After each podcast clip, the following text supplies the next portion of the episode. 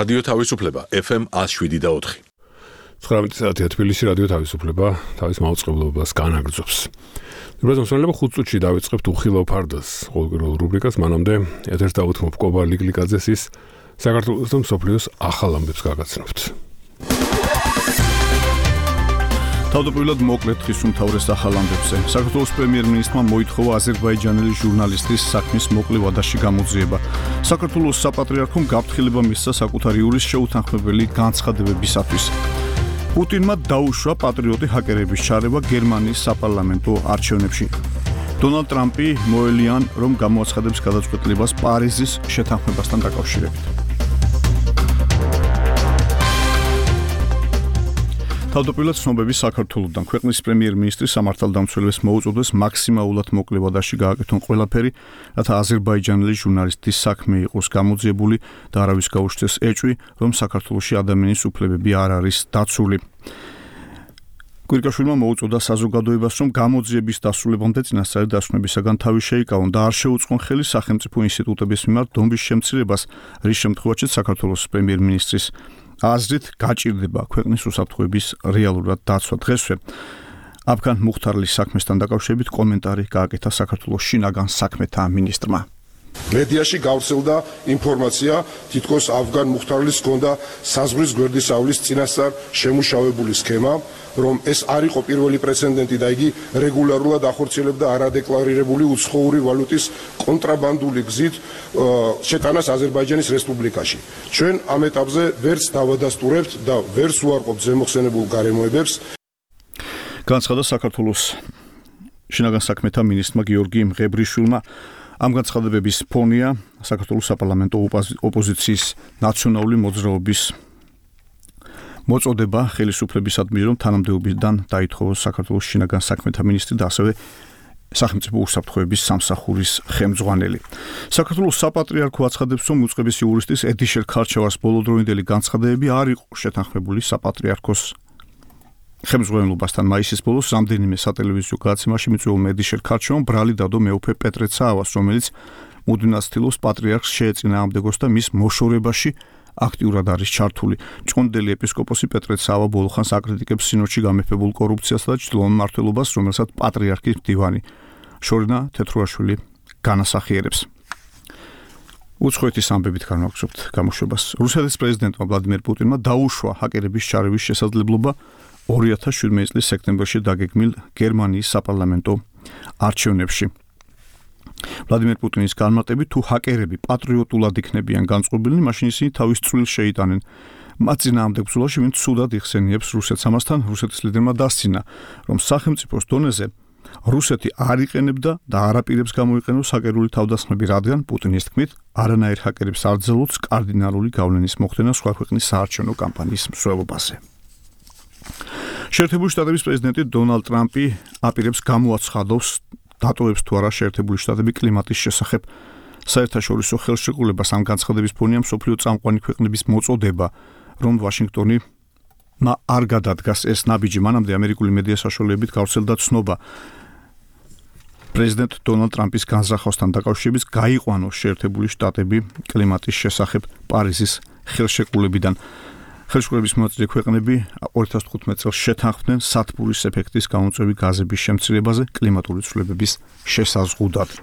მაკედონიის პარლამენტმა ქვეყნის ახალ პრემიერ-მინისტრად დაერჩია ოპოზიციის ლიდერი სოციალ-დემოკრატი ზორან ზაევი და მის მიერ შეთავაზებული მინისტრთა კაბინეტის მთელი შემადგენლობა, რომელიც მემარცხენე ცენტრისტებით არის დაკომპლექტებული ამით, მაკედონიაში დასრულდა 6-თვიანი პოლიტიკური კრიზისი, რაც გამოიწვია ოპოზიციური სოციალ-დემოკრატიული პარტიის ლიდერის ზონა ზაევის გადაწყვეტილებამ ჩამოეყალიბებინა კოალიციური მთავრობა ეთნიკური ალბანელების პოლიტიკურ პარტიებთან ერთად.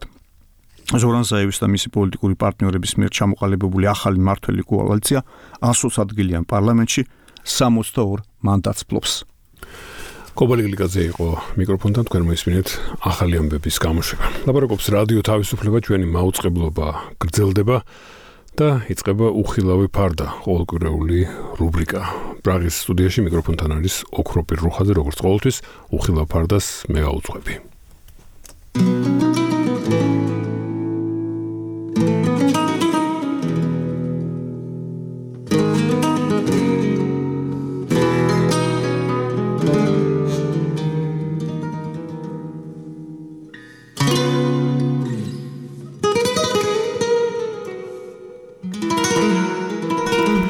რაზმფელებ უხილო ფარდაში ჩვენ ყოველ კვირას ვიწევთ ხოლმე ან სტუდენტს ან ხელოვანს უცხოეთში მცხოვრებ ქართველს, შეიძლება არა ქართველს, საქართველოს მოქალაქეს, საქართველოსდან წასულს. ამჯერად ჩვენი სტუმარი ხელოვანია ზაზა პაპიძე, ხატვარია, ფერმწერია, ცხოვრობს არნედოში, ესპანეთში, რიოხას რეგიონში. მასთან ვისაუბრეთ ესპანეთში ცხოვრებაზე, ესპანეთში ცხოვრების არც თუ ისე იოლ ხარეებზე. ბავშვებზე, მის შვილებზე, ქართველებისთვის ესპანეთში ქართული ენის სწავლის სირთულეებზე. ასევე იმაზე თუ როგორ ხატავს ზაზა პაპიძე, რომელიც როცა ხატავს, ასე ვთქვათ, სამყაროს ქმნის მრავალ ფიგურიან სამყაროს.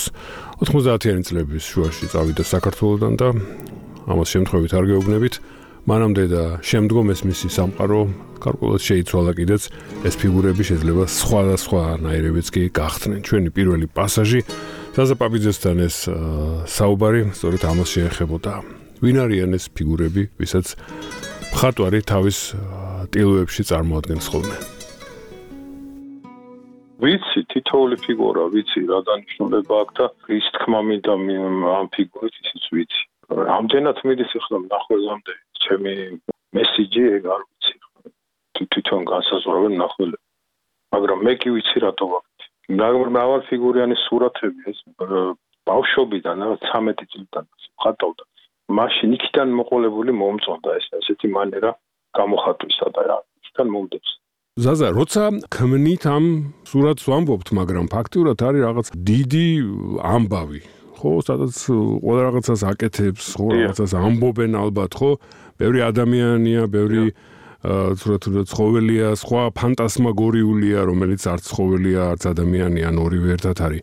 თუ შეიძლება ამაზე მეტი თქვით, ამას იგონებთ თქვენ, საიდან მოდის ეს ცოდნა თუ ეს რაღაცა რო ეს ასეთი უნდა იყოს, რომელიმე კონკრეტული ფიგურა, ან მთელი ეს სიუჟეტი? ადრე უფრო სპონტანურად იყო თავის თავად მოდიოდა. მაგრამ ეხლა ბოლო წლებში სანამ გადავტილოზე დავიწყებ მუშაობას მანამდე კომპოზიციას ვამზადებ ცალკე. აი იქ უკვე მე ეს პერსონაჟები ეს ფანტასტიკური პერსონაჟები ძირითადად არის სიმბოლოები რომელიც გამოხატავს სხვადასხვა სხვადასხვა ნება თუ რა ადამიანის სხვადასხვა მხარეს და უფრო დრამატულობას ანიჭებს ყველაფერს. ზოგიერთი პერსონაჟები ამ ქონის მომენტში მე მეტად მიმაჩნია შლი ზოგს მე უმატებს და ეს სანამ ეს სანამ კომპოზიცია შეიქმნება ძალიან დიდხანს უნდა და მე შემდეგ უკვე თილოზე კომპოზიცია რო შეიქმნება მე გადამოხტილოზე და მე უკვე ის პერებში მუშაობ. რა შეიცვალა? ადრეს რას გულისხმობთ? გულისხმობ თუნდაც აქეთ წამოსვლამდე პერიოდს. აი თავიდან მოყოლებული როცა სერიოზულად გადაუწყვეტე რომ მომწონდა ხატო დავიწყე იქიდან მოყოლებული სანამაკობას სამოვდა და შემდეგი პერიოდი უკვე წამოსვლის შემდეგ. რა შეიცვალა ბევრ რაღაცა სხვაგვარად უყურებ. ახლა ვიდრე მაშინ უყურებ. თან ახალგაზრდაც ვიყავი ეს ალბათ ასაკის დამსახურებაც სხვანაირად ხედვა სხვანაირად ახლა მარტივი აღწევს შემდეგ აქ უფრო ტექნიკა მეტად დავხვეწე მე მე მგონი. ბევრი რაღაცა ჩემ ჩემთვის აღმოვაჩინე შრომის პერიოდში. იმიტომ რომ მე მგონი ყველაზე დიდი მასწავლებელია ეს პრაქტიკა. კი საქართველოსი სამხატვრო აკადემია დავამთავრე. კერძო მასწავლებელთან დავდიოდი. კერძო მასწავლებელისგან ბევრი რაღაცა ვისწავლე. მაგრამ შემდეგ ამ ამას დაჭირდა პრაქტიკა, რამაც უფრო მეტი მასწავლა და უფრო თვლი რომ წინ წამწი ეს ფიგურები რომლებსაც გამოსახავთ ხოლმე აი ხო ხანდახან შლი და ისე უბრუნდებაო. იმეორებთ ხოლმე თქვა არის აი ნაცნობი ფიგურები არსებობენ რომლებიც მოდიან. ხა კონკრეტულად თუ თქვენი ცხოვრებიდან თქვენი ახლობელიან რა ვიცი ნათესავი გამოისახება ბუნებრივია თქვა ის არის მაგრამ აი ეს რაღაცა დიდი გუნდი რომელიც წარმოდგება ხოლმე სხვა სხვა როგორც წეღანაც ვთქვით ნახევრად ცხოველის თუ ნახევრად ადამიანის სახით ისინი მეორდება ის აკვირდებით ამას თქვენ ნამუშევრებს. ასე უყურებთ ხოლმე სწავლობთ რომ ეთქვათ ეს არ გავიმეორო ან ეს გავიმეორო ეს მაშინ როგორი იყო ეხლა როგორი უნდა. იყოს? კი კი რა თქმა უნდა ვცდილობ რომ არ გავიმეორო არასდროს არც პერსონაჟი და არც სტრუქტურა ვცდილობ რომ ყოველთვის სახალ რამდენად გამომდის არ ვიცი ვცდილობ წერანას თქვით თქვენ რომ აი თვითონ მაყურებელმა და ნახველმა უნდა იფიქროს იმაზეო თუ როგორ მიდის მათამდე რა რა გძნობა უჩნდება და რა რა რას ფიქრობსო. ასეა მაგრამ აი თქვენ რა იცით ხალხისაგან? თქვენი რა ვიცი გინდათ Facebook-ში გინდათ ცხოვრებაში. რას ამბობენ? ისინი აი ამ სამყაროს რო უყურებენ ხოლმე აი რაღაცა ბევრ შეკითხვას არ გისვა მე ხა წარმოიდგინეთ პორტრეტისტის მდგომარეობა რომელიც ხატავს ერთ რაღაცა ფიგურას და აქვს ცხვირი ყური თვალი და ხასიათი ამ რაღაც ფიგურას და ფერები და. თქვენთან ხო რაღაცა საოცრება ხდება. რამდენი ფიგურაა ხოლმე რა ვიცი 100 ზოგჯერ 10 მაგრამ ნუ ბევრ ნამუშევარში რაღაცა ვერ დათვლის კაცი იმდენია. და რა რას გეუბნებიან? რა არისო ზაზაო რო ხატავ ამას ვაი როგორი ისაა გამოხმაურება კი ბევრი მეკითხე თუ რას ნიშნავს ესაცი სურათ მირჩევნია რომ თვითონ მიხვდნენ იმიტომ რომ შე შემთხვევაში არის მინიშნებები რომ მივიდეს ნახველი რაღაც დასპონამ თუ რას რა მინდოდა ამით მეთქვა. მაგრამ როცა ვერ მეკითხებიან ვცდილობ აუხსნახო და კომპარტო თუ რას ნიშნავს თითოული სურათი და რის თქმა უნდა არის ხალხი რომელსაც ხო ინტერესი ბევრს აინტერესებს მაგრამ არიან ესეთი კატეგორია რომელსაც არ მოსწონს რაღაც ცოტა აგრესიული ჩვენება თუ ცნაური არ და თვლიან რომ ალბათ სხვა რამე უნდა მეხატა და უფრო მეტი წარმატებები. სხვადასხვანაირია ასე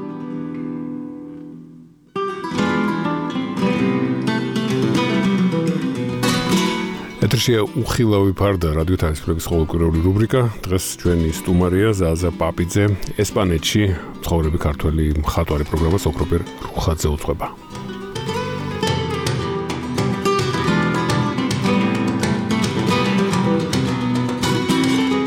ზაზა ესპანეთში როცა ქართველი მხატვარი ცხოვრობს და აი ამ ნამუშევრებს აკეთებს.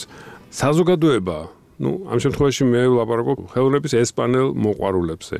როცა უყურებენ ამ თქვენ ნამუშევრებს, არ აქვთ ხოლმე იმისი განცდა ან არ გეუბნებიან ხოლმე, რომ ეს ადამიანი საქართველოსდან არის და ნახე როგორი ქართველი თურმე როგორ ხატავს. არ აქვთ იმის განცდა, რომ ეს სამყარო რომელიც თქვენ იქ წარმოგიდგენიათ, რომელიც აი მართლა ზაზაპაპიძის სამყაროა, მაგრამ რადგან უცხოელი ხართ, არ გონიათ ხოლმე, რომ ეს ქართველის სამყაროა.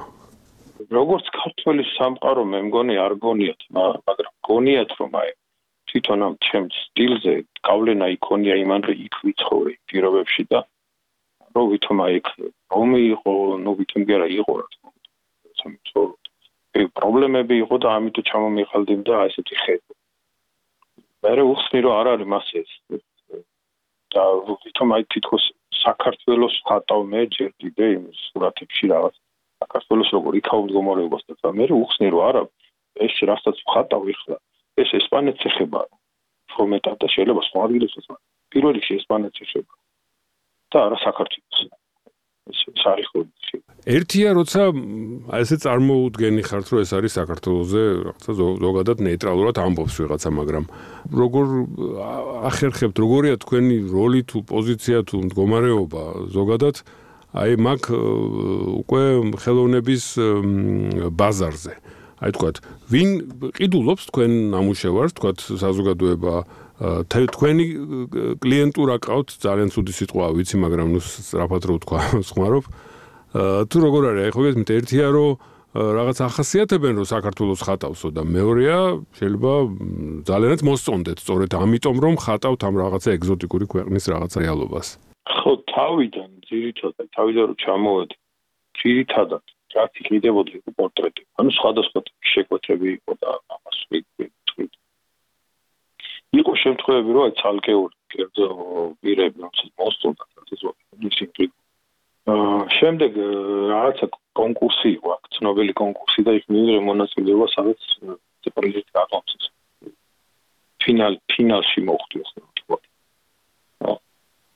დაახლოებით 1000 კაცი იყო შეიძლება მეტ და მათი მოხდი რაღაც 20 კაცი რომელიც მე გამოგინეს ტისენის მუზეუმში ცნობილი მუზეუმი ხოდა აი იქიდან უკვე მე წავიდე გალერიით ურთიერთობა ასე კონტრაქტები რამდენიმე სურათი იყიდეს მაგრამ ეს იყო თოროვცდები 2007-ში და ესე უცბად დაიწყო მე კრიზისი ის რამდენიმე გალერიას დაიხურა და მე და კაცდა ის ხოდა ეხლა მუშაობ გალერიასთან ბარსელონაში. ვაპირებთ ხარ გამოფენს მოწყობს აკციებს მოხერხდი ხოდა კიდევ მქონდა ურთიერთობა რამოდენიმე გალერიასთან რომელთანაც გამიწურა ურთიერთობა. და ეხლა ისევ აი კერძო შეკვეთებს ვაკეთებ და თვითონ სადაც ცხოვრობ აქ აქ რა გამოჩდება ხო შეკვეთე კედლის მოხატულობა ფიგურების გაკეთება ხით ის გამოკვეთა.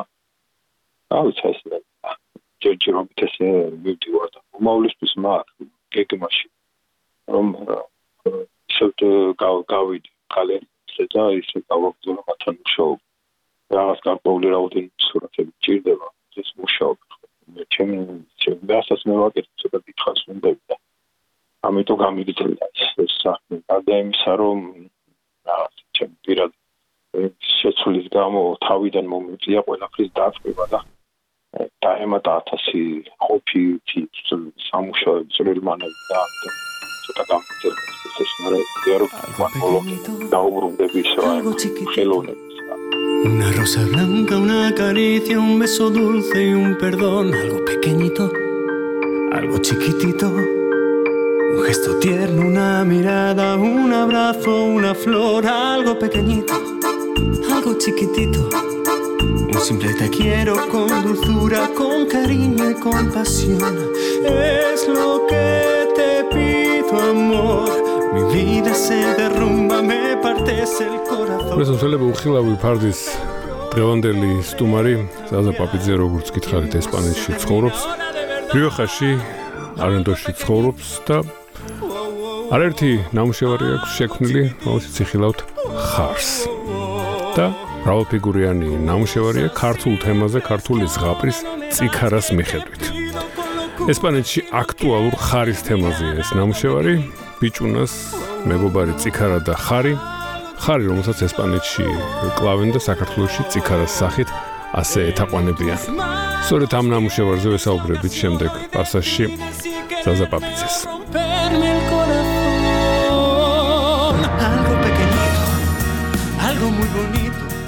ბიჭი რომ არის.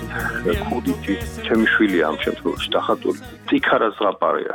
ცოტა ესპანური ვარიანტებიცაა ჩასმული კაი ციქარაში მაგრამ სხვადასხვა თემაა. ანა ციქარა რატოა? მოგეხსენებათ ახლა ესპანეთში კორიდის ტრადიცია. ცოტა სხვანაირი დამოკიდებულება ხარის მიმართ ჩვენსა და მამაც შორის და ის უბრალოდ ამ ზღაპრიდან გამომდინარე მინდოდა გამეკითებინა სურათი სადაც ჩანდა ბიჭისა და ხარის მეგობრობა და სიყვარული. სადაც ეს ხარი კი უყვართ მაგრამ ცოტა სხვა მიზნით უყვართ ვიდრე ჩვენთან და. ხოდა მან თავარი თემა იყო ეგა და რამდენად გამოვიდა არ ეს ხშირად მეკითხებიან ხოლმე ხარს რო ხედავენ ყურადღებას იქცეს თავის თავად და მეკითხებიან რას ნიშნავს. თან თან მერიკე თუ დაუღვირდებით იმ ქალს პატარა მარიონეტი უჭირავს იმეც ტორეროს მარიონეტი. ანუ ესპანური თემა ასე ვთქვათ შემოდის ხო? კი კი. ქართული ზღაპარია მაგრამ შემოდის ესპანური თემა. იმიტომ რომ მე ჩემი ხედვა მაქვს ახლა ტრადიციაზე ამ კორიდას ტრადიციაზე და ხშირ შემთხვევაში არ მომთხოვით ჩემ არ ემთხვევა ჩემი აზრი მათ შეხედულებას სხვანაირად უკვე თქვენს კუთხეში რიოხაში დაშვებულია კიდევ? ასე ვთქვათ კორიდა და მოკლა ხარისა. კი კი დაშვებულია ხო. დაშვებულია და აი ხშირად მithქვია ამათვის აი ბავშვებიც კი არიან ხოლმე ამ დროს იქა. ხო და ქვეყანაში სადაც ეს ყველაფრის და ყველას უფლებები დაცულია და ყველაფერს უყურებენ როგორ შეიძლება რომ პატარა ბავშვები იჯდნენ და უყურებდნენ და სანახაობრივად ძალიან ლამაზია იქ თავისი ყველაფერი აქვს და თავის მომხილველობა ძრაობებსაც და იგივე ბრძოლის სცენებსაც მაგრამ ეხლა ბავშვი რო საბოლოო ჯამში მაინც ეს არის რაღაცა ცხოველის მოკლა ხო სანახაობის გულისთვის და იქ ბავშვი რო იჯდეს და უყურებდეს ჩემს რაღაც მეგობრებს ხო და დაშვებულია კი მე აი შემოდგომაზე და გაზაფხულზე არის თუმე ფიესტები. და პირდაპირ ქუჩაში დარბიან ეს ხა ის სარები არ დარბიან პრო ისეთი ახალგაზრდა ხარები და ძროხები არიან ესეთი თავისუფლებაში გაზრდილები რომლებიც მე დარდევენ ამ ხალხს და ეს სხვადასხვა წარმოდგენებია ხოლმე და ამავდროულად მე იქ მოედანზე იმართება ხოლმე კორიდა დაახლოებით ერთი კვირა გრძელდება შემოდგომის ეს ფიესტები და ყოველდღიურად არის რამდენიმე ეს აქ ცირკის შენობაში კორიდის შენობაში არის ხოლმე ეს სპექტაკლი. თქვენებს უყვართ თქვენს ვაჟს უყვარს კორიდაზე სიარული? არა ჩემებს არც ერთს არ უყვარს და თქვენები თქვენ ნამუშევრებს როგორ უყურებენ ზაზა ეს იგი? არის თავად საინტერესოა ხა იქ ის ფიგურებია თქვენ თქვით რომ ზოგსო არ მოსწონს ხოლმე ხა შეიძლება ზოგიერთ შემთხვევაში ვიღაცას რომელიმე ფიგურა არ ესიამოვნოს ხო რაღაც ის როგორ ავთქვა უკიდურეს ბოროტებასთან რაღაც ის საზღრობას გამოხატავდეს მაგრამ ძალიან ბევრი ლამაზია ხო ეს როგორც ცხოვრებაშია ისია ხოლმე. და ბავშვები თქვენი ოჯახი როგორ უყურებს ამ ნამუშევრებს? თქვა სახში გიკიდიათ ბევრი და თქვა აი მაგ სამყაროში ცხოვრობთ ბავშვები ამ სურათებზე გაიზარდნენ და ამიტომ მათთვის მე მგონი უფრო ჩაულებრივია თანახვა იმისი მე რასაც ვაკეთებ. ახლა ხანდისხან ახლა შვილი ბიჭი უფროსი ესე ცხატავს და რაღაც ხანდისხან რაღაც შენიშნებს მაძლევს ხოლმე ეს ესე ჯობდა ისე ჯობდა ოჯახს საბოლოო ჯამში ძალიან ძალიან გამგებიანად ეკიდებიან ცდილობენ რომ გაიგონ აი რას ვაკეთებ რატო ვაკეთებ და ჩემს ხომ ყველანაირად ხელი ცდილობენ ბანკრიუ ვერ ვიტყვი რომ გვერდში არ მიდგანა რამდენად ეს მით ყველაფერი არ ვიცი ყველაფერი ალბათ არის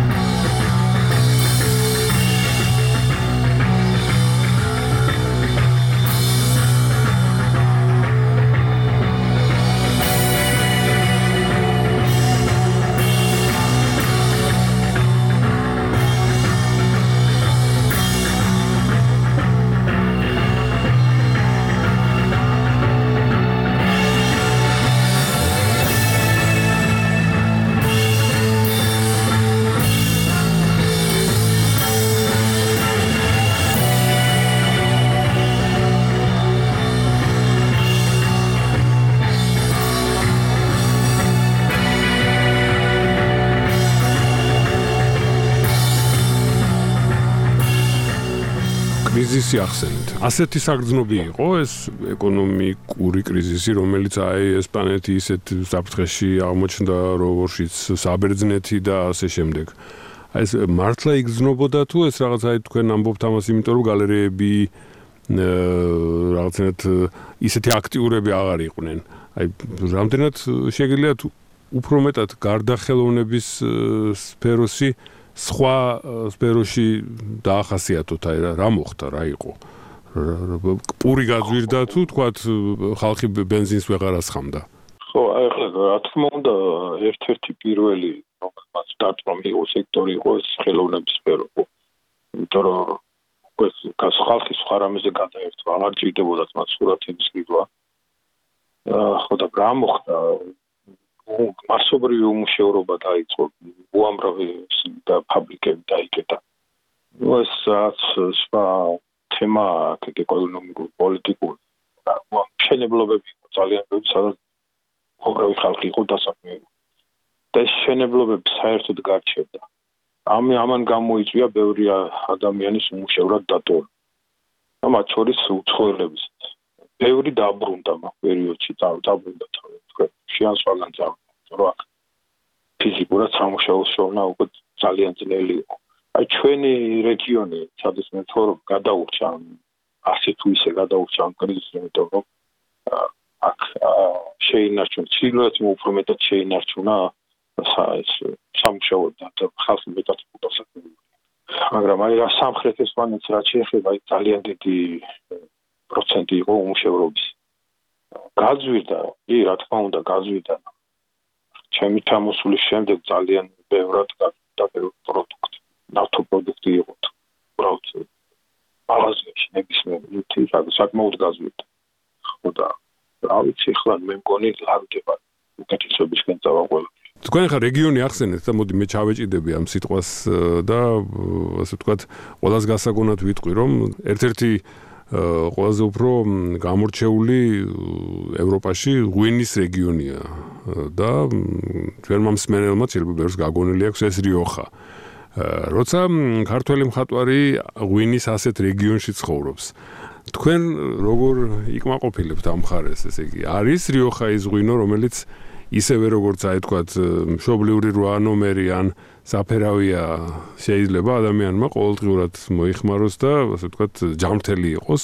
რა თქმა უნდა რიო ხო ძალიან კარგი ღვინოა და ყოველდღურად შეიძლება მოხმარება მაგრამ ამ მოხმარებას დოზას გააჩნია რომ ჯამრთელი იყოს. ეს აქაც მასია და ბანდას მასია. ეს რეგიონი იგი გარშემო სულ ვენახებითა ოფენილი და თვითონ აქაური მასხურები ქართველები თავის ღვინოს წურავენ ყოველ შემოდგომაზე თითოეულს აქვს თავის დაწურული და ჩამასაც შეიძლება დავარქვათ ალბათ ამ ღვინოს ეს ქართულ ესპანური რაღაცით ახლა სამხრეთ საქართველოს და ეს ჩვენი რეგიონი. ცოტა უფრო მშრალი და აკლები წვან ჩვენთან შედარებით. ხო და ალბათ ეს სიცხე და სიმშრალე უწყობს ხელს რომ ეს კარგი მოსავალი და კარგად დამჭიქდეს ურდენ და შემდეგ მოსავალი გქონდეს ხო მე იმისათვის რომ ღვინო გააკეთონ თვით თვითოულ მეღვინეს აქვს რაღაცა გარკვეული რაოდენობის ურდენი რომელიც წერილი აქვს და მისი არც მეტი ჩაბარება შეიძლება ნუ მეტი ჩაბარება არ შეიძლება რაოდენობა. და ძალიან იცავენ უამრავ წეს რომ მე გამოვიდეს ეს ვინო ესე კარგი და შეჩანიში სავალდებულოზე ესე მოვლისაც და მე შემდეგ დაყენებს და თქვენ თქვით რომ ქართველები აყენებენო ასევეო და ეს ქართველები თქვათ ყიდულობენ ამ ვინოს თუ აქვთ თავიანთი საკუთარი ვენახები? არა ვენახები არა მაგრამ ბევრს ხავს მეგობარი ახლობელი ნაცნობი რომელიც ჭარბი ყურძენი რა რჩება აძლევენ ხოლმე. ხო და ესენიც მე წურავენ და სახში აყენებენ ღვინოს. ზაზდა ქართული წესით აკეთებენ ჭაჭაზე აყენებენ თუ ევროპულად? ხო ქართული წესი. ძირითადად ჩვენები ქართული წესით აყენებენ ჭაჭა. მაგრამ შავი ღვინო აქ, შეიძლება შავი ყურძენია და ცოტა მძიმე გამოდის, ამიტომ ცდილობენ რომ უნდა თეთრი შეურიონ ან თეთრი ყურძენი შოვონ და იქიდან გაწუხო. საკეიპო.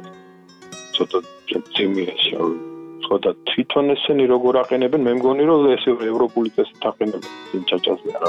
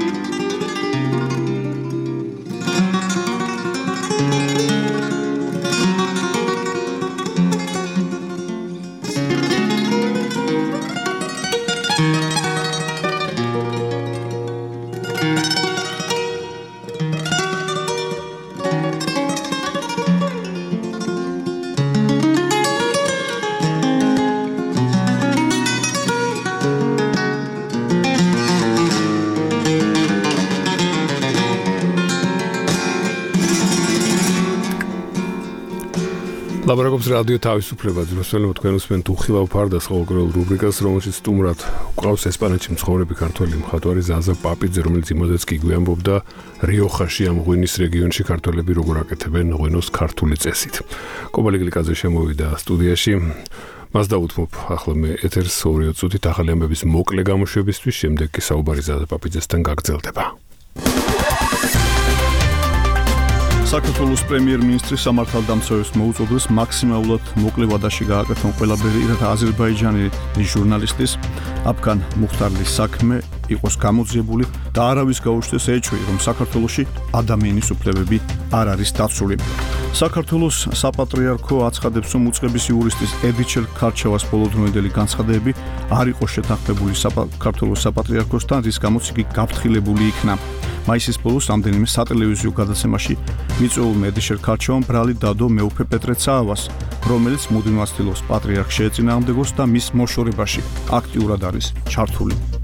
რუსეთის პრეზიდენტო ვლადიმერ პუტინმა დაუშვა ჰაკერების ჩარევის შესაძლებლობა 2017 წლის სექტემბერში დაგეგმილ გერმანიის საპარლამენტო არჩევნებში მისი განმარტებით თუ ჰაკერები პატრიოტულად იქნებიან გაწყობილი, მაშინ ისინი თავის წulis შეიტანენ მათ წინააღმდეგ ბრძოლაში, ვინც აუგად იხსენიებს რუსეთს. შეერთებული შტატების პრეზიდენტი დონალდ ტრამპი აპირებს გამოაცხადოს დატოვება, დატოვებს თუ არა შეერთებული შტატები კლიმატის შესახებ საერთაშორისო ხელშეკრულებას ამ განცხადების ფონია სოფლიო წამყვანი ქვეყნების მოწოდება, რომ ვაშინგტონმა არ გადადგას ეს ნაბიჯი. მაკედონიის პარლამენტმა ქვეყნის ახალ პრემიერ-მინისტრად დაერჩია ოპოზიციის ლიდერი სოციალ-დემოკრატი ზორან ზაევი და მის მიერ შეთავაზებული მინისტრთა კაბინეტის მთელი შემადგენლობა, რომელიც მიმაცხერე ცენტრისტებით არის დაკომპლექტებული.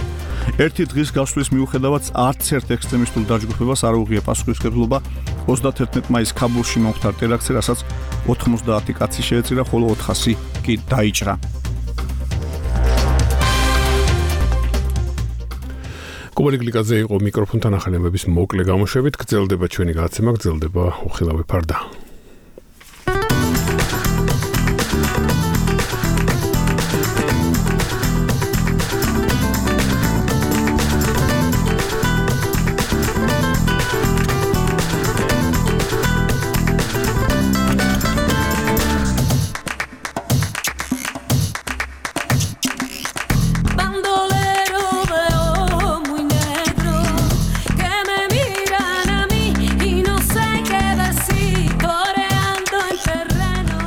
ფარდა გრძელდება ძროსელი როგორც გითხარით გრძელდება საუბარი ზაზა პაპიძესთან ესპანეთში რიოხაში არნედოში მცხოვრებ ქართულ მხატვართან რომელიც გვიამბობს იმაზე თუ რატომ ხატავს ციქარას სიუჟეტზე.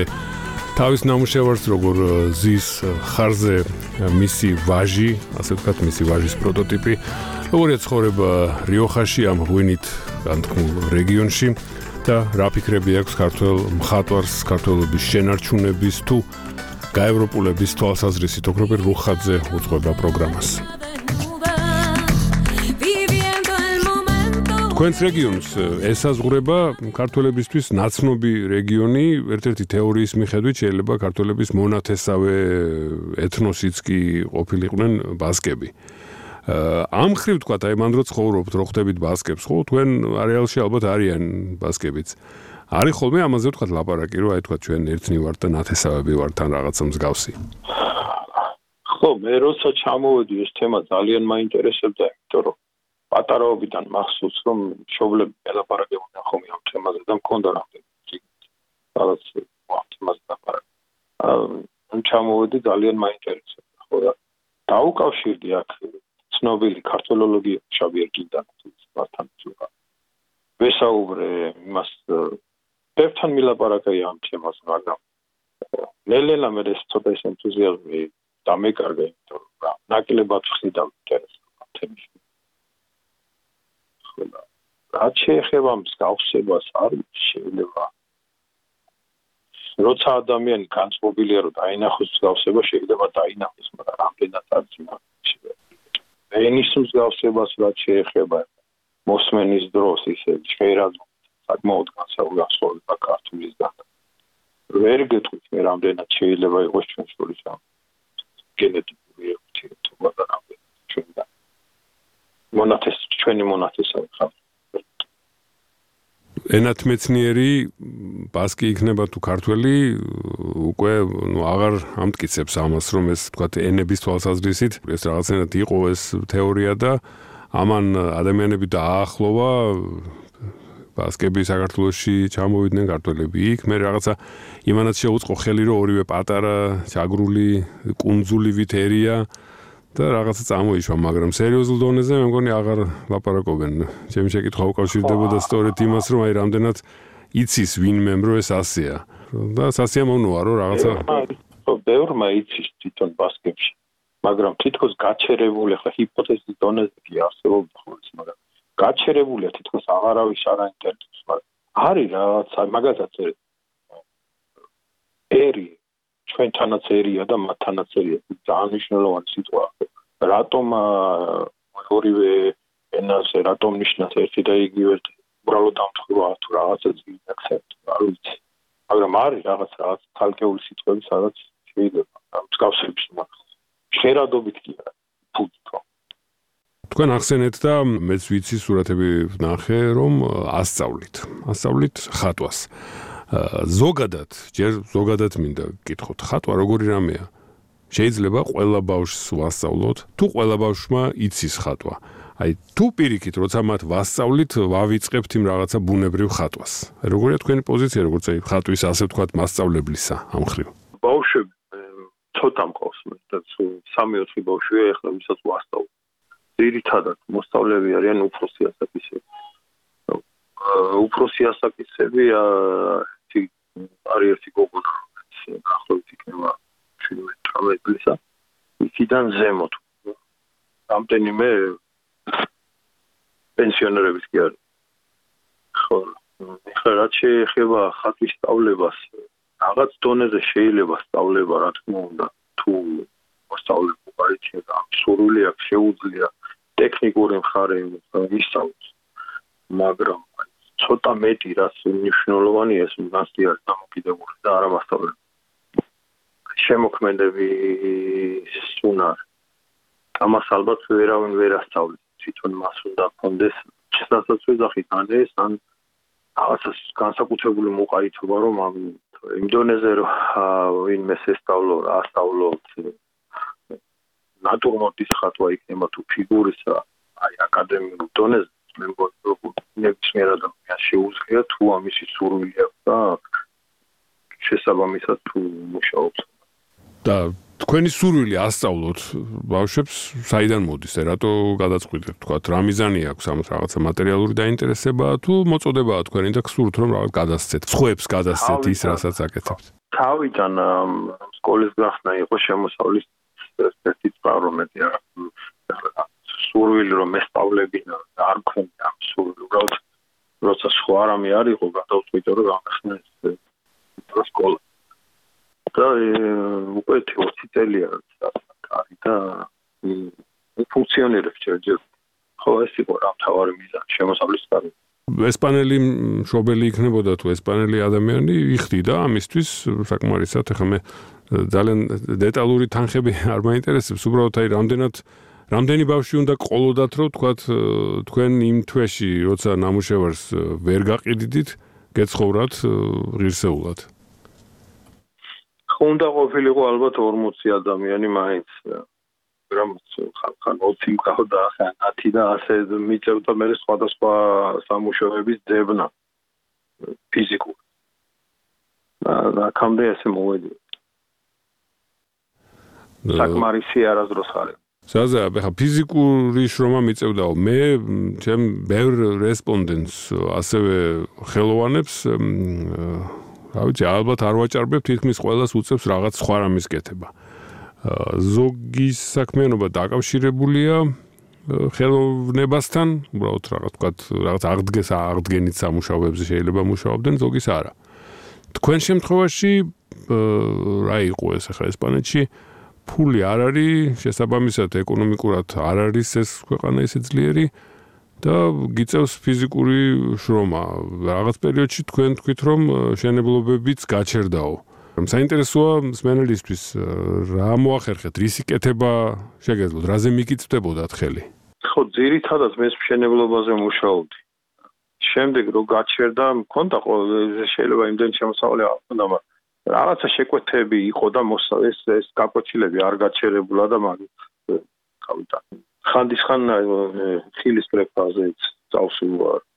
სამ რეგიონში სულა როცა სეზონია არის სამშობლო პულზეც მოკრება ახლა რაც გამოჩნდებოდა იმაზე იმაზე მუშაობ ხილი რო ახსენეთ თქვენ ახლა ჩვენი ერთი ზეითუნის ზეთის მომწოდებელი გვეპატიჟება ახლა რა თქმა უნდა არა გასამრჯელოსთვის უბრალოდ სანახავად და საინტერესოა ნახოთო რა ზეითუნის ზეთსაც სვამთო ჩამოხვიდეთ და გაჩვენებთო.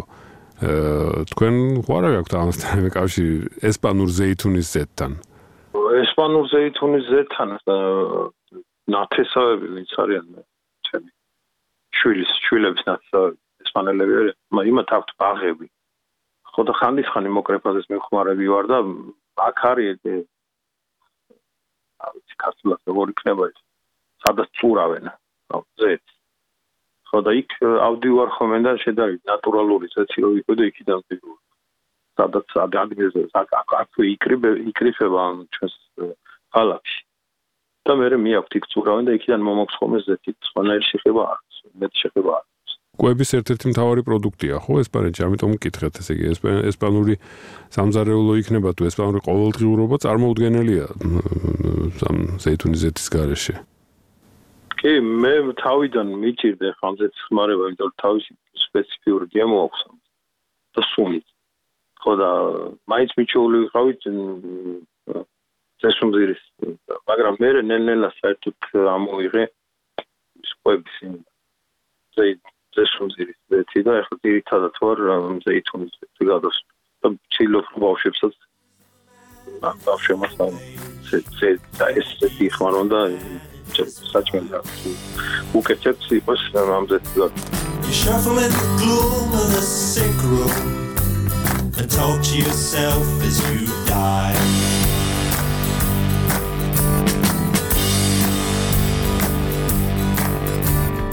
Life is a short, warm moment, and death is a long, cold rest. You get your chance to try in the twinkling of an eye. 80 years with luck or even less.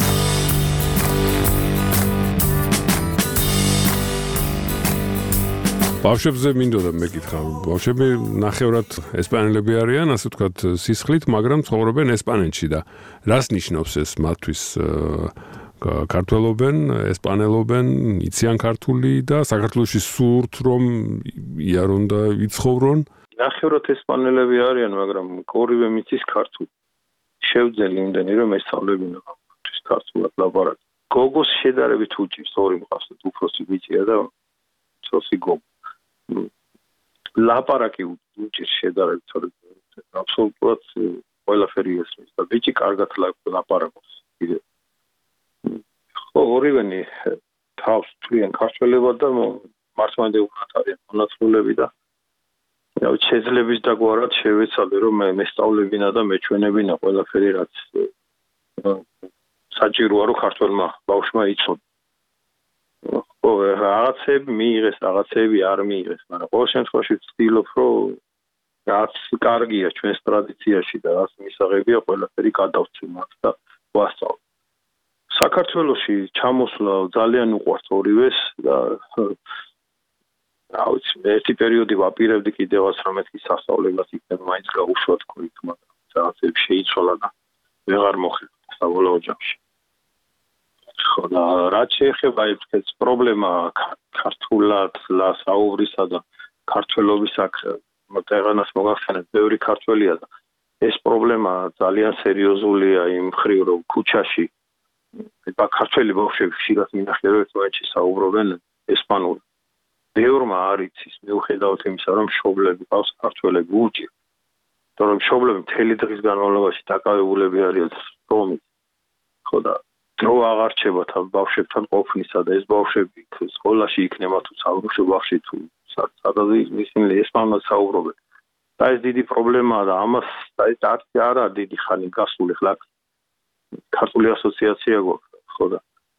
დიდი ხანი არა გასული რომ გაუხს გავხსენით თვითონ აკაური ესპანელების დახმარებით ახალგაზრდული ცენტრია და გავხსენით სკოლა სადაც ქართულად სწავლობენ გამოგვიშთა მასწავლებელი თავისი ენთუზიაზმით შეიცადა რომ აი ცდილობს რომ ამ ბავშვებს ასწავლოს და რა ვიცი მე მგონი რომ ნელ-ნელა გამოდის უკვე რამდენიმე თვეა ფუნქციონირებს ეს სკოლა და ბევრი ბავშვები არიან უკვე ქართველები იქ ხო რაღაც ფეისბუქზე დადებული გვაქვს რაღაც ვიდეოები და ფოტომასალები სკოლიდან ხო, გარდა მაგისა ახლა რა ვიცი, მივაყოლებდი ამას აქ.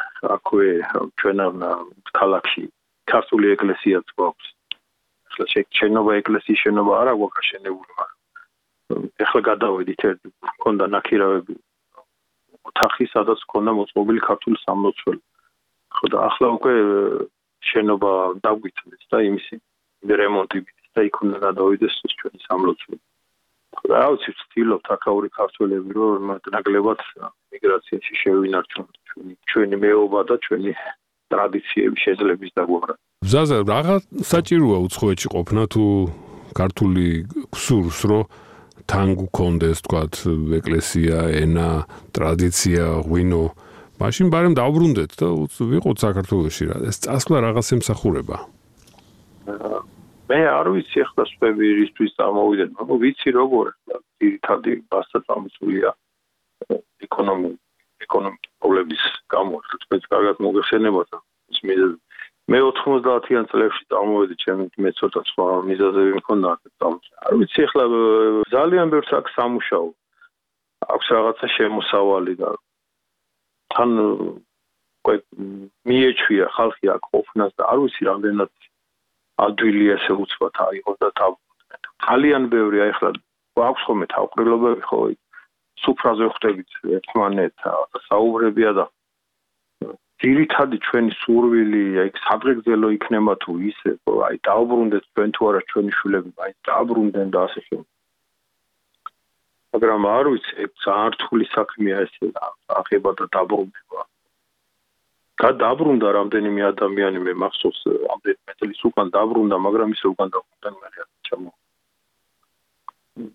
რატო ვეღარ ვერ გაძლეს? მანდ მე არ ვიცი ალბათ ისე და ისე ის პრობლემებია სამ სამუშაოს პრობლემები რომ მანდ ვერ ნახეს და იქ ახლა არ ვიცი ვერ ჩვენ ყოველ შემთხვევაში ვინც ჩამოვედით აქ იმიტომ არ ჩამოსულვართ რომ გავევროპელებული ყავთ. ჩამოვედით სხვადასხვა პრობლემების გამო და ვთქვით რომ შევინარჩუნოთ ჩვენი მეუბნება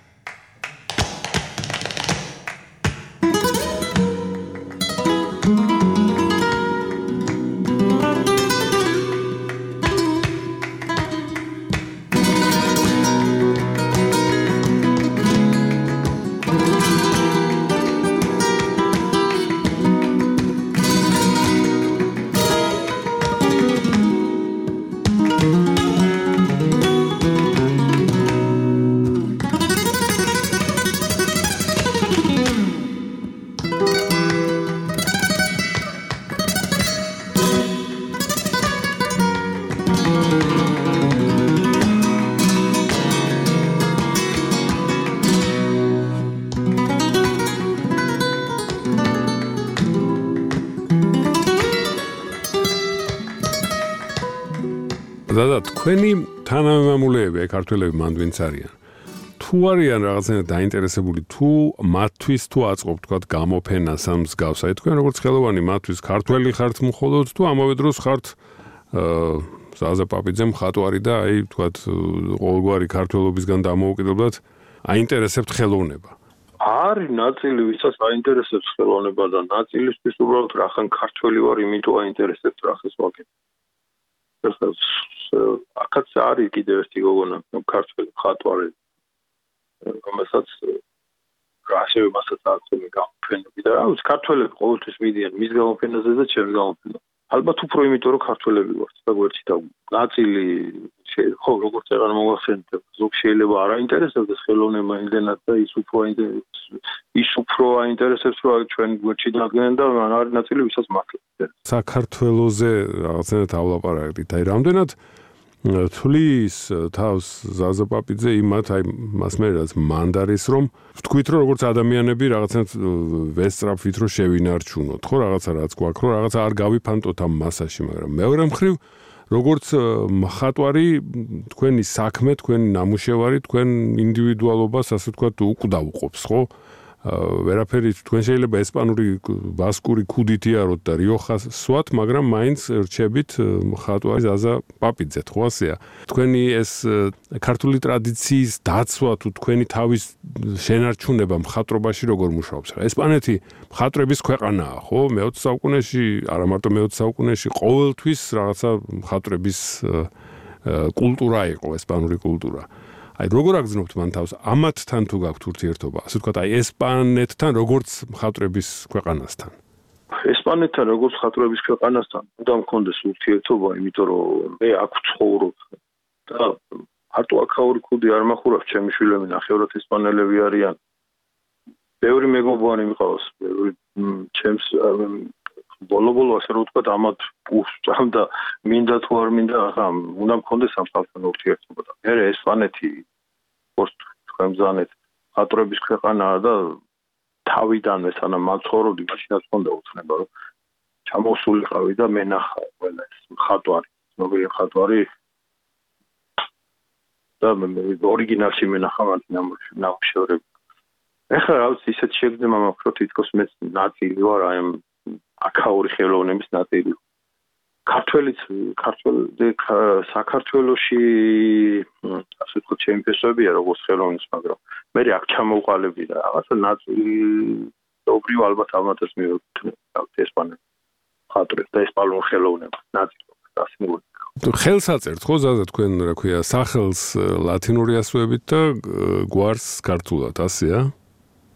ხო ხან ხან კი ცდილობ რომ ორივე ენაზე იყოს ეს ესეც რაღაცა მაგის ნიშანია რომ თქვენ გსურთ რომ რაღაცა ნახოს ვინც უყურებს რომ ეს ადამიანი რაღაცა სხვა კულტურიდან არის მაგრამ ისიც გსურთ რომ წაკითხვა შეძლონ და დაიმახსოვრონ ვინ არის ეს. ხო არა გვას რო ვაწერ ალბათ იმიტომ უფრო ვაწერ რომ ქართველმა რომ ნახოს ვინმე ქართველმა იცოდეს რომ ის თანამემამულე ის გამჩევარი და ალბათ ქართულმა სად შეიძლება ნახოს აი თქვენი ნამუშევრები რამდენად მიმოფანტულია რამდენად გავრცელებულია მსოფლიოში. ხა მე ვიცი ვთქვა ნუ იგივე ესპანეთში ბუნებრივია რუსეთში საქართველოსში იქნება. კიდევ აი სად გეგულებათ ასეთი ადგილები სადაც ქართველი შეიძლება მივიდეს და ნახოს და თქვას ვა ეს ქართველი ყოფილა არის რამდენიმე ნამუშევარი მგონი ამერიკაშიც არის. ევროპის რამდენიმე ქვეყანაშია ზუსტად და კონკრეტულად სად არის უკვე არ ვიცი.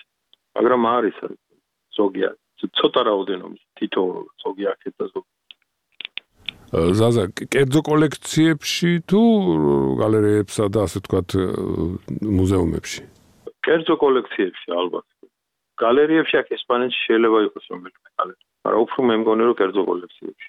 ზოგი ნამუშევარი საერთოდ ვიცი რომ მასაი 99 წელს მოსკოვში მგონდა გამოფენა და იქ ბევრი სურათი გაიყიდა აიღეს ზოგი სხვადასხვა ქვეყნებში და და იმისი დაკარგული ცნობს იმათი კოორდინატების ადარი ქვეყნებში არც ვიცი ამდენიმე ნამუშევარი ვიცი რომ თურქეთში და აი ეს თქვენი ნამუშევრები სადაც ბევრი ფიგურაა თქვენ მითხარით რომ ვიცი რა ფიგურაა ვიცი მათი სიმბოლური დატვირთვაო.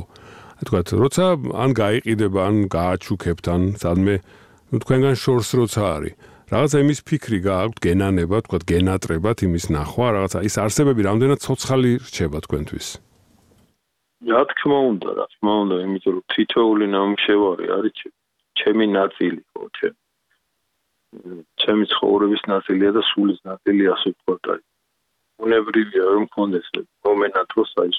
ხანდისხან მინახია ჩემი სურათი რაღაცა. ინტერნეტში მინახია, აა მინახია ძველი და მე გამხსენებია და როგორც თითქოს აი დაკარგული ახლობელი ისეთ გებდა მაქვს. რა თქმა უნდა, რომ შვილის მსგავსი დამოკიდებულება თითქოს აი შვილია ჩემი ნამუშევარი და აი რომ ძულებული ვარო გავყიდო ხოლმე შენ შემთხვევაში, იმიტომ რომ ასია ცხოვრება თავისას და არანაირი სული არ მაქვს შევეძო და წაი და აი როცა ხატავთ ხოლმე მაშინ არის იმის ფიქრი რომ ეს ნამუშევარი ნამდვილად გასაყიდად ან გასაჩუქებლად კეთდება. მაშინ როცა აკეთებთ ფიგურას ან თლიანად ნამუშევარს და ამბავს რაც დებთ შიგნით ამაზე ფიქრობთ რომ ეს ასე ვთქვათ ბწყალებში ვამბობ მე განწირულია და აი თქვენგან უნდა წავიდეს.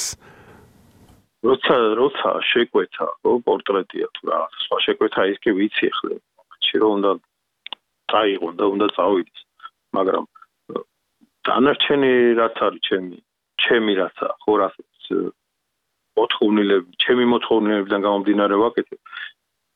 მაგ დროს ამაზე არ ვფიქრობ ეს გაიგება და განცირულია თქო მაგ დროს მაგაზე არ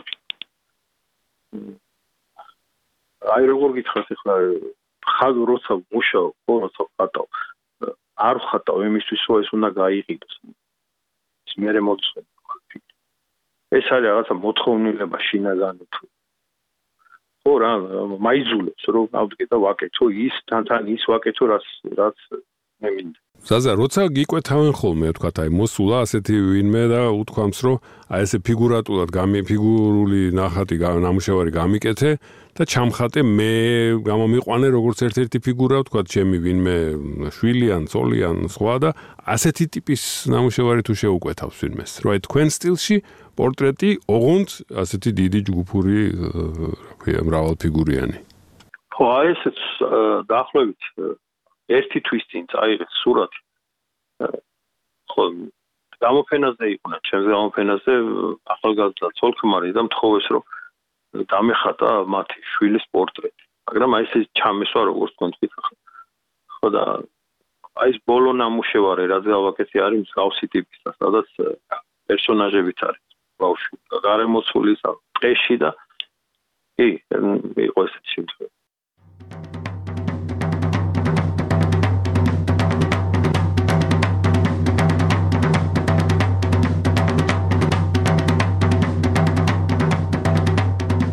ბევრია ქართველი აქ. ბევრი ქართველი ბავშვი იზრდება და ყურადღება გვჭირდება საქართველოს. მე არ ვიცი ახლა მე როგორ შევძლებ დაუბრუნებას, არ დაუბრუნებას, ჩემი შვილები, მაგრამ ძალიან ბევრი აქედან უნდა დავუბრუნდეთ. და სასურველი იქნება რომ ქართველებად დაუბრუნდეს. და ქართველებად რომ დაუბრუნდეს, მარტო ჩვენი სასწავლებელი ცოტა ძნელია.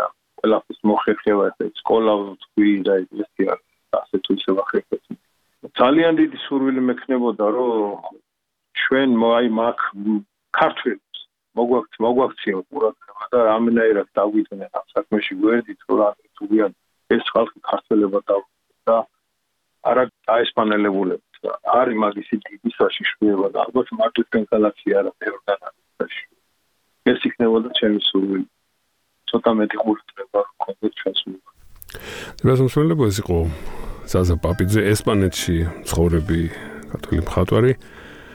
არნედოში რიოხაში ცხოვრობს უკვე დიდი ხანია ზაზა პაპიძე ოჯახით ბავშვებით რომლებიც ქართულად ჩვენებად ლაპარაკობენ. ჩვენი საუბარი შეეხებოდა მის შემოქმედებას ზაზას შემოქმედებას. მრავალფიგურიან ნამუშევრებს იმას რატომ დახატა ესპანეთში? ციქარა რომ დახატა ქვეყანაში სადაც ხარების მიმართ სხვა დამოკიდებულება აქვს კორიდის გამო ასეთი სიუჟეტი ვისაუბრეთ იმაზეც რომ რიოხაში ქართველები ახერხებენ რომ მოიპოვონ ყურძენი და ქართული წესით ღვინოც კი დაამზადონ. უხილო ფარდაში ამით გრძელდებოდა ჩვენი ციკლი უცხოეთში მცხოვრები ქართველი მხატვრების შესახებ ყოველ ორ კვირაში ერთხელ ჩვენ სტუდენტებსაც ვესაუბრებით. ჩვენი პროგრამა ამით დასრულდა ოქროპირ რუხაძე უძღვებოდა მას პრაღიდან. ზაზა პაპიძესთან ამ საუბარს მოისმენთ ჩვენ საიტზე რადიო თავისუფლება წერტილი GE და რადიოში განმეორებით შაბათს 16 საათზე. ნახვამდის. სიარული უმეგობრად სიარული მორება გაგვივლია ვიშროლია გვივლია რაძნელია მოძმის პოლა და კარგვა გიოლია და კარგვა გიოლია. და კარგვა გიოლია. ორა უცებ კაპანტურა ნადრევი სიხარული ძალზე ხშირად მახსენდება ის პირველი სიყვარული ის პირველი სიყვარული. რა ყოფილა მოგონება? გული დარვით ამეკარგა სიხმაწილის გილიკებს ერთი გოგო დამეკარგა ერთი გოგო დამეკარგა მენატრება მის დინახვა მისი გული მხიარული მომეწინა ქვეყანაზე უალერტო ციარული უალერტო ციარული ეს ხორება გაგვილია გვიშრომია გვიომია რაცნელია სატრფოს პოვნა და კარგვაგიოლია და კარგვაგიოლია და კარგვაგიოლია